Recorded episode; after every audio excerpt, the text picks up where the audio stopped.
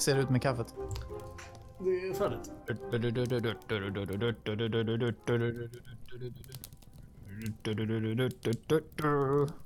Eller är det vanlig mjölk va? Ja, det var. Ja, det är nästan det. Jag tycker vi ska ha med det här eh, mellansnacket som vi har nu med när vi håller på. Ja. När vi snackar, snackar fika. Det är fint. Hörs det när jag äter chips? Förresten, måste jag fråga. Jag hör ett... Ett sånt här. Ja. Ja, det hörs ganska bra. Eller flavor. Visst, det, det är krisp i dubbel bemärkelse. That's the original flavor. Tredubbel bemärkelse kanske. Hallå Peter. Hallå. Ja, ja.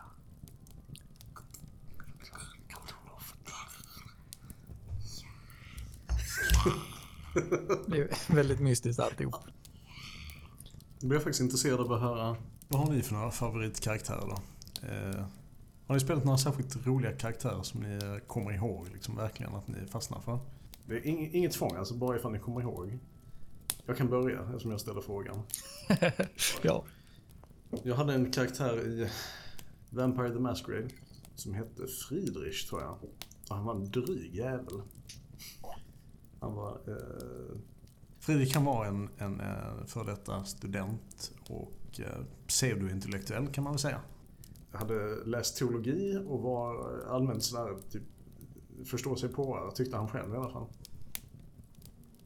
Eh, och jag, jag tror det var någonting man, man, man bar med sig, någon, någon form av den här typ eh, eh, studentikosa besserwisser-attityd. Eh, på något sätt. För det, det var väl, eller rätt sagt man kanske var i ett kontext där det var lätt att känna igen eh, karaktärsdragen hos honom och, och spela dem. Men han var ju också en, en riktig sån festprisse som eh, typ var...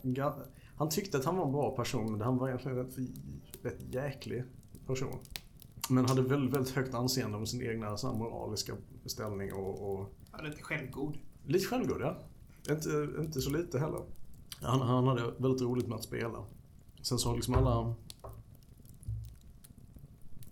Ja, jag kan inte säga att jag identifierar mig så himla mycket med honom men, men det var liksom en karaktär som det gick att... Det gick att driva väldigt mycket med, Ja. med hela... Ja, med, med, med, med, den, med den hans, hans arketyp. kanske. Ja, det, det var liksom en arketyp som jag kunde spela väldigt nära in på eh, märgen liksom för att man kände igen den så bra. Att även jag har varit en dryg filosofistudent en gång i tiden som trodde att man hade alla svar. Eh, Som och tittade på en massa andra ja, Som var fel. ja. Sen, så, sen så tog det så intressanta svängar genom att man blev eh, i princip en, en bitter vampyr. Som eh, insåg att mycket av det man, man hade, trodde man visste var helt fel. Ja, alltså det var ju när vi spelade eh, hemma hos dig Peter. Jag spelade eh, den gamle mannen Snorre. Som var någon... Eh, var det han som var handelsman? Nu blir jag osäker. Ja, just det. Precis. Nej, jag tror, jag tror att det är... Eh, eh, vad fan heter han? Torvald, hette inte det? Ja. Nej men det blev... Det var ett sånt praktexempel på att, att eh, folk kan spela sig själv. Och de som känner Det var, det var, väl, det var väl handelsmannen du menade? Ja, ja precis. Ja, för då tänker vi på samma. Ja. Ja, precis. Och där... Eh, ja, jag tycker det är ganska roligt med, med handel på olika sätt. Eh, säljer skivor privat eh, och liknande. Och så det blev väldigt mycket just exemplet på att spela sig själv då. Och att man då gick in i den rollen ungefär som om man hade wheelat och dealat själv. så det, Ja. det, det blev väl lite, lite, lite förlängningen att man man kände sig väldigt trygg med att spela den karaktären för man var i princip sig själv kan man säga. Ja. Ja, eh, om det är ditt exempel nu så kan jag ju säga... Eh, ja, jag har egentligen två exempel. Eh, för, för jag hade precis som du nu säger Fredrik, en karaktär som vi som tur är också har spelat in. Det var när vi spelade den här one-shoten, friformsgrejen. Eh, med Harriet och farbror, eh, vad han nu hette. Hans-Åke. Hans-Åke var det ja. Mm. Där spelade jag ju en, en kvinnlig eh, manusförfattare till en teater. Var det den här 30-talsgrejen? Ja, precis. Och, och, den karaktären, alltså jag kunde ju relatera till allting som, alltså jag, jag bara plockade in hela mig själv i den karaktären egentligen. Och, Frilansande producenten liksom. Ja. Eh,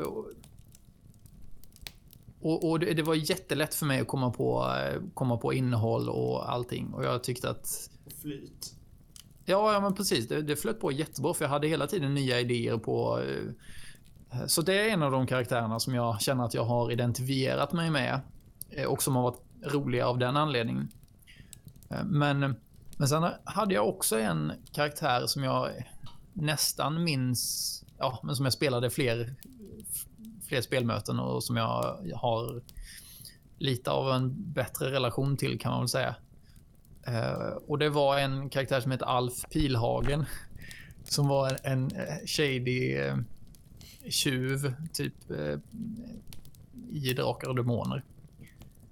Och Eh, jag kan för övrigt lägga, vi kan lägga upp en, eh, en fin bild på hur han såg ut. För jag ritade en väldigt, eh, ett väldigt snyggt karaktärsporträtt där. Jag skulle inte vilja göra affär med den mannen. Hur som helst. Det som var grejen med den karaktären och som egentligen var första gången för mig var att jag gjorde en karaktär som inte var, var den här Sagan om ringen-karaktären. Det var en karaktär som inte var meningen att, han, att det skulle gå bra för honom. Utan det var en karaktär som... Ja, ja, men som hade o... Alltså jag skrev det bokstavligen talat i min, i min bakgrundsbeskrivning att han hade otur. För att det var så demoraliserande varje gång jag slog tärningsslag med mina andra karaktärer. Och de var värdelösa fastän jag hade målat upp dem i min bakgrundsbeskrivning som såna här eh, fantastiska magiker och allt vad det var. Och så, så ska de eh, ja, men så, så ska man slå ett tärningsslag för att kasta en eldboll och sen så bränner man upp handen på sig själv. Alltså så här, bara, det blir bara slapstick. Man, bilden av ens eh, rollperson som den här heroiska pers personen som ska ut och rädda världen från undergång. Man bara tar den och drar ner den i leran ett par gånger och sen så bara, ja, vi se ifall du ska rädda någon jävla värld från undergång. Det kan man ju drömma om. Lite så. Men blev, så, det, blev det lite som en, som en hjälte som egentligen var en antihjälte då? Nej, det blev, inte, det blev aldrig en hjälte. det var inte meningen att det skulle vara en hjälte egentligen? Nej, alltså det var ju ett äventyr som inte var, var den typen Nej. av spel, utan det var mer... Jag minns det väldigt dåligt nu, men jag, jag vet att det var en, en rubin som vi skulle stjäla någonstans ifrån.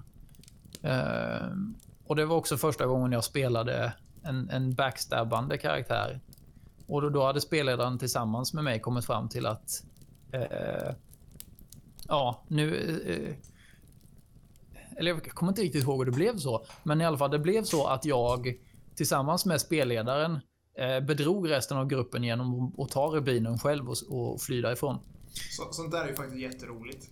Jag kan ju minnas det den gången när vi spelade Frånsaga på väldigt tidigt stadium när jag då som handelsmannen Torvald hade kommit över en, en, en fantastiskt värdefull guldörn-statyett.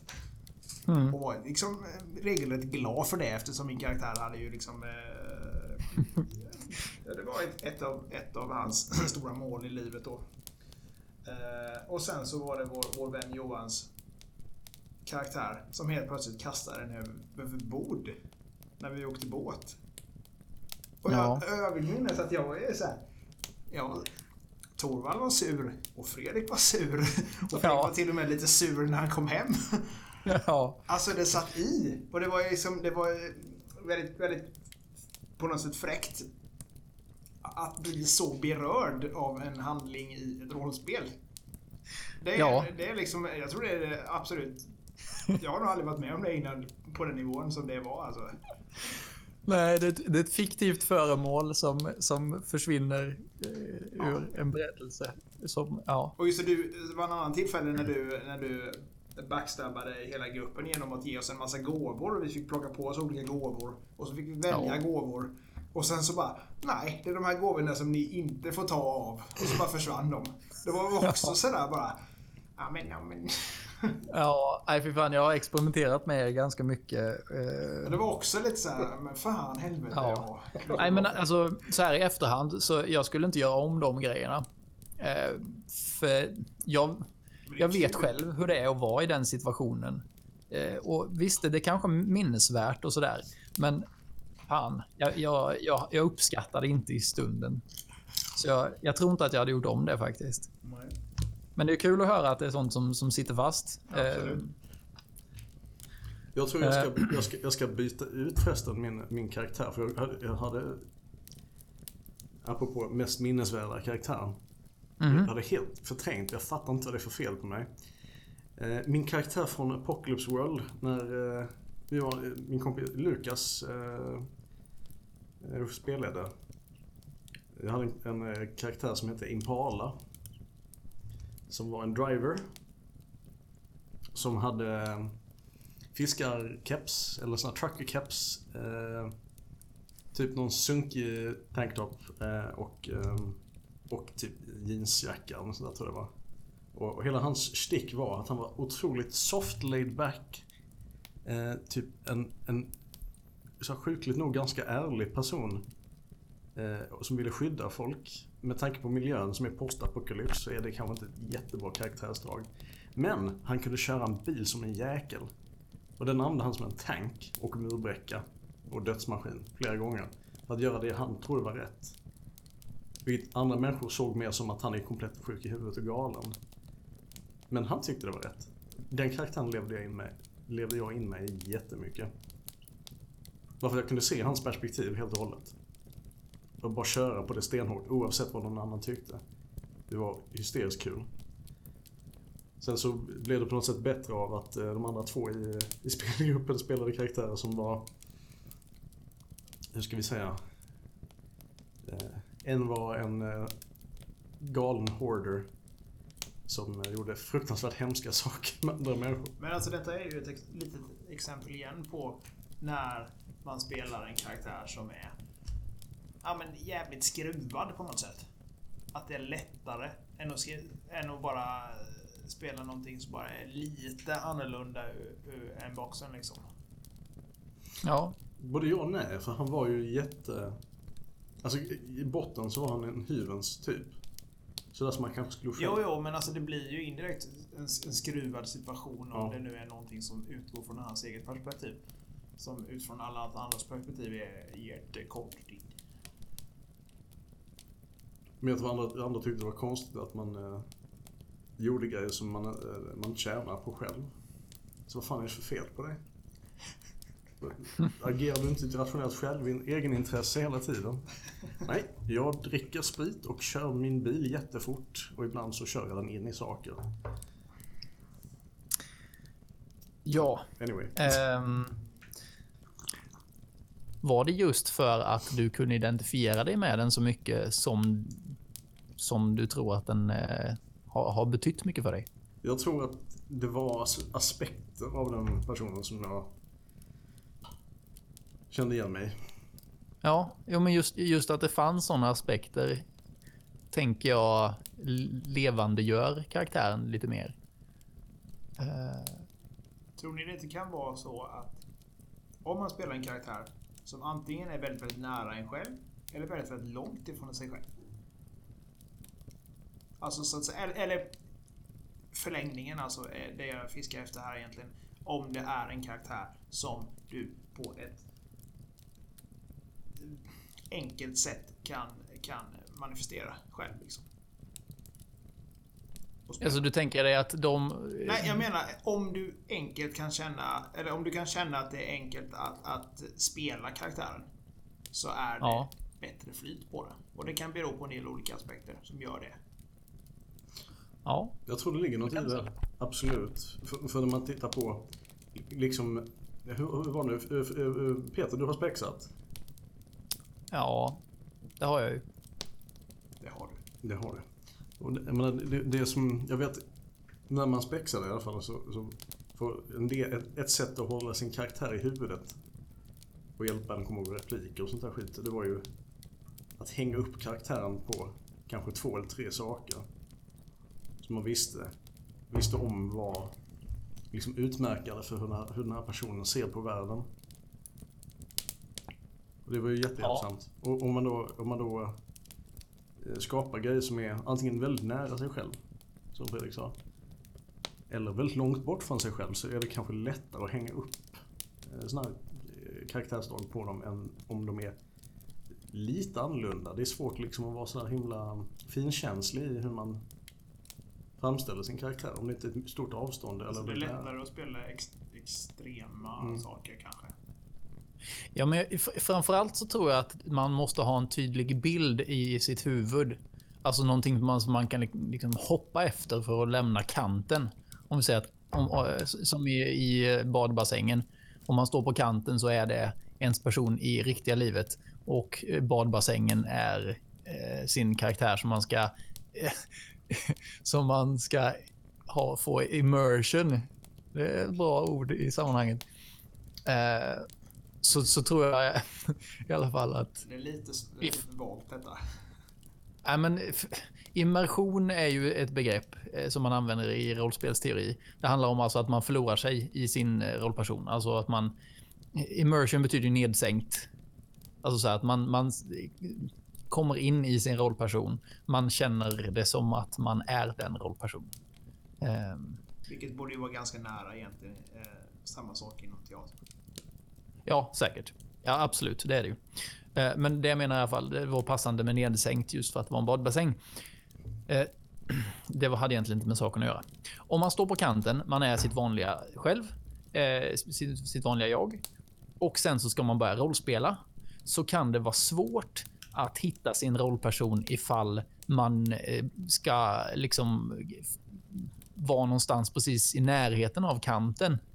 Eh, det är, kan vara lättare att bara hoppa väldigt långt ut för att ja, då är man i sin karaktär med en gång på något vis. Så, så att, att man får en kalldusch direkt? Ja, lite grann att man har någonting som är väldigt starkt, väldigt tydligt som man kan hoppa efter. Alltså att man har till exempel ja, men jag vet inte, en dialekt kanske kan vara en sån grej som gör att man tänker på ett annat sätt. Ja. Alltså, och, och sen är det ju, alltså, om man gör en parallell till vanliga livet så är det ju så att när man byter språk eh, så blir man lite av en annan person. Har jag själv upplevt. Alltså jag själv på svenska och jag själv på engelska och jag själv på spanska är tre lite olika personer i, alltså man, framförallt i, i, i ett socialt sammanhang. Alltså så att man har olika status beroende på vilket språk eh, man pratar. Ska man lägga på ett lager till? Man, man, man pratar utrikiska med svenska dialekter.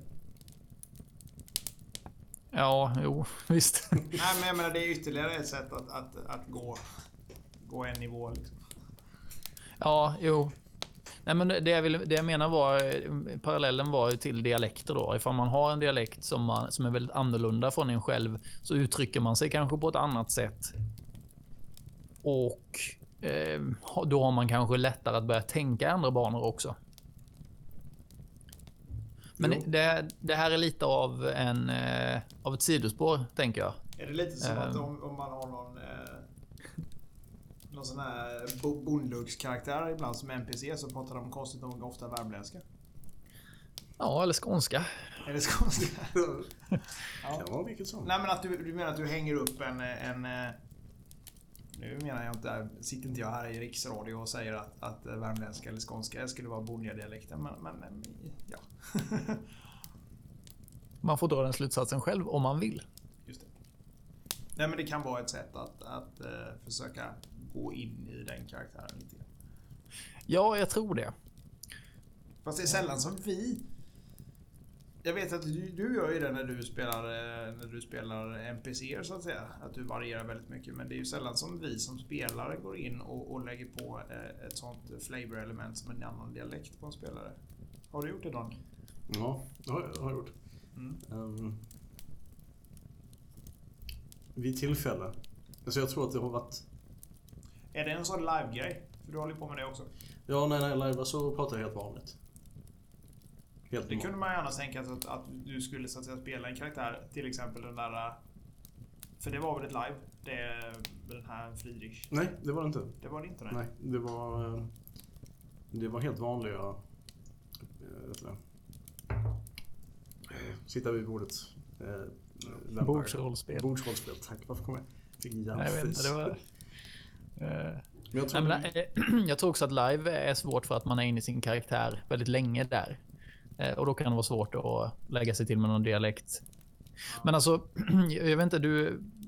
Fredrik, du sa att jag, att jag brukar använda dialekter. Och det har jag ju gjort en del under ja, men de, här, de gångna åren. Men nu på senare tid så har jag insett att den största anledningen till att vi har dialekter på NPCer är ju att eh, särskilja dem från varandra. Det, det känner jag det är den största eh, funktionen. Ja, precis. Men, men ehm, sen tycker jag att ifall man lägger på dialekter så kan det också ta bort lite av... Jag, alltså jag tänker att det funkar väldigt bra när man kör eh, spel som inte handlar om karaktärer. Som inte är så inriktat på drama kanske. Men när man börjar spela med intentionen att spela upp personliga draman så blir på något sätt finkänsligheten i ens tonfall och sådär eh, mycket svårare ifall man har lagt på en dialekt som man inte är jättevan Blir vid. det plumpt menar du? Ja, nej, jo, det kan det också bli, men även ifall det inte blir plumpt så tror jag att man har en mindre arsenal av tonfall och så ifall man eh, också lägger på en dialekt. Så det som jag försöker utforska mer nu är ju att eh, försöka särskilja eh, NPCer med olika tonfall istället. Eh, och det, det funkar ju ibland, men eh, det är väldigt lätt att man faller tillbaka och bara använder sin vanliga röst och då kan det vara svårt att höra vem som är vem. Sen är det ju inte alla situationer som, som det behövs. Alltså det är ju egentligen bara när du, när du har flera NPCer plus spelare i samma kontext. Ja, precis. Men det är också för, faktiskt, alltså för NPC tycker jag nästan att tonfallet är ännu viktigare än, alltså för att hitta karaktären. För att man måste ju byta mellan karaktärerna så pass ofta så att det är väldigt tacksamt att ha ett tonfall eller en dialekt då för all del att falla tillbaks på för att hitta på något sätt personens sinnesstämning. Det var dit jag tänkte komma också. Ja, Att det är inte så mycket att det är... Att det tar ifrån. För mig är det nästan tvärtom. För jag, jag använder dialekten på karaktären för att komma ihåg vad, vad den här karaktären är ute efter. Mm. Eller var, eh, liksom, var hen kommer ifrån. Eh, Inte geografiskt då, utan liksom mer... Man kanske sl- sl- slänger sig med väldigt stereotypa dialekter i, i spel, liksom som att eh, någon eh, skurk pratar liksom Ja, hallå kapten. Eh, Den här... Eh, sen jag röstar väldigt dåligt, men... Jo, jag, jag tycker absolut att det, det, det, det, det hjälper en liksom... Det är som en skådespelare. Det, det hjälper en att hoppa, hoppa ur sig själv och in i, i, en annan roll. Det är ju Ja, tacksamt det är också- om... om, om Mm. Förlåt Peter. Eh, Det är tacksamt om, eh, om det är lätt för spelarna att på något sätt förstå vem det är du försöker spela. Ja, precis. Men det, det jag skulle kommentera på var att det finns ju också en risk med det här med att använda stereotypa dialekter. För att alltså framförallt när man som man spelar en kvinna så blir det väldigt ofta att man att man eh, ja, men man börjar prata med den här rösten istället. Eh, Och det är liksom visst, det är funktionellt, men om man ska liksom dra in feminism i rollspel, vilket jag tycker att man bör, så bör man vara medveten om att eh, alla kvinnor pratar inte på det, på det viset. Och på något sätt att man gör en sån särpräglad dialekt eller en röst för en kvinna leder kanske också till att man har färre kvinnor i scenariot för att alla kvinnor kan inte prata likadant. Och du menar att som man... så är det svårare för oss att, att eh, ja men, men eh, förstå mig rätt, härma fem, tio olika kvinnor på något sätt? Ja, det tror jag absolut. Mm. För att eh, eh, ja, Eh, det tror jag, för att det är det som är dialekterna. När du har lagt på en röst som inte är din egen så är det svårare att jobba med tonfall. Um, och, och då, blir, då blir de ganska snarlika ifall du använder samma, samma dialekt eller röst. Då. Eh, men jag menar att... Oh, vad var det jag skulle... Ja, nej men alltså jag, jag tror att... Um, det funkar bara ifall man har få kvinnor i sina rollspel att använda den typen av kvinnoröster. Som man då. Och jag menar, sen så... Alltså egentligen har man inte så mycket mer än tonfall att jobba med. Och då tycker jag att det är mycket bättre, alltså om man nu inte ska använda dialekter. Men alltså om man, om man ska använda tonfall så tycker jag absolut att man ska använda tonfall för att för att visa sinnesstämning snarare än kön då. Eller, liksom, eller, eller roll. Eh, alltså banditledaren som pratar så här. Eller eh, eh, kammarjungfrun som pratar så här. Alltså, nej, jag vet inte. Det är dåliga exempel kanske. Men alltså. Det blir stereotyper gör inte gör sig inte så jävla bra. Utan det, det är bättre att bara eh, sluta identifiera eh, NPCerna med vilken roll de har kanske, alltså eller vilket yrke eller vad det nu är, utan fundera på vem de är som person och vad de har för sinnesstämning och vad de vill kanske, eh, vad deras motiv är och använd det som en bas för rösten istället kanske. Ja, hejsan! Nu har ni kommit till slutet på detta bonusavsnitt av Rollspelsfika. Vi ses som vanligt med det fulla nästa avsnittet. Tack för idag och ha det gott.